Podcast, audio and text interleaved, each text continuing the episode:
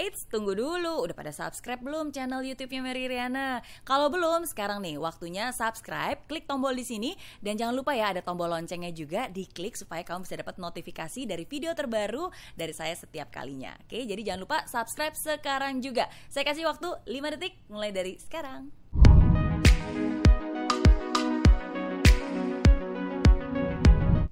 Terima kasih. Ada tiga kesalahan fatal yang biasanya dilakukan oleh pasangan yang baru nikah.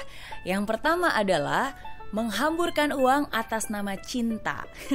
Namanya juga baru nikah, pasti romantis, pasti ingin memberikan yang terbaik untuk pasangan, pasti ingin memberikan surprise. Tapi kadang-kadang nih kelewat batas, lupa akhirnya menghambur-hamburkan uang. Beli sesuatu yang terlalu berlebihan, nggak apa-apa lah untuk menunjukkan cinta saya. Padahal sebenarnya dari segi keuangan, apakah sesuatu yang bijak untuk dilakukan? Pergi jalan-jalan yang terlalu berlebihan. Padahal honeymoon juga udah, jalan-jalan juga udah. Alasannya sih kan cinta, harus ditunjukkan dong. Nah jadi itu menghamburkan uang atas nama cinta.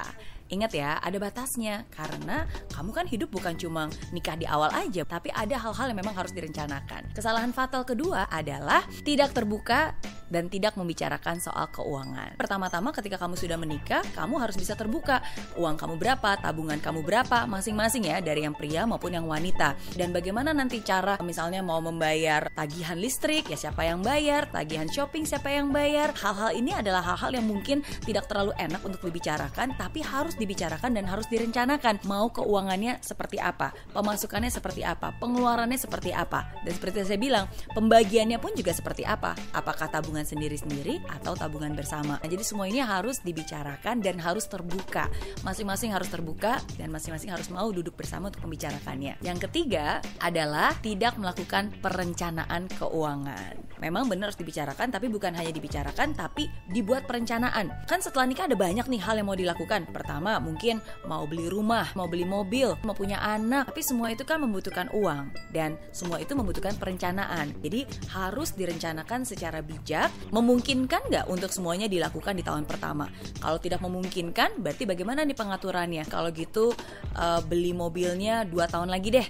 Kalau gitu mungkin punya anaknya tiga tahun lagi deh. Nah semua butuh perencanaan. Seperti apa dalam hal keuangan? Sekarang kamu udah tahu apa tiga kesalahan fatal ini. Jadi waktunya untuk duduk berdua diskusikan bersama dengan sang suami atau sang istri tercinta. Oke? Okay?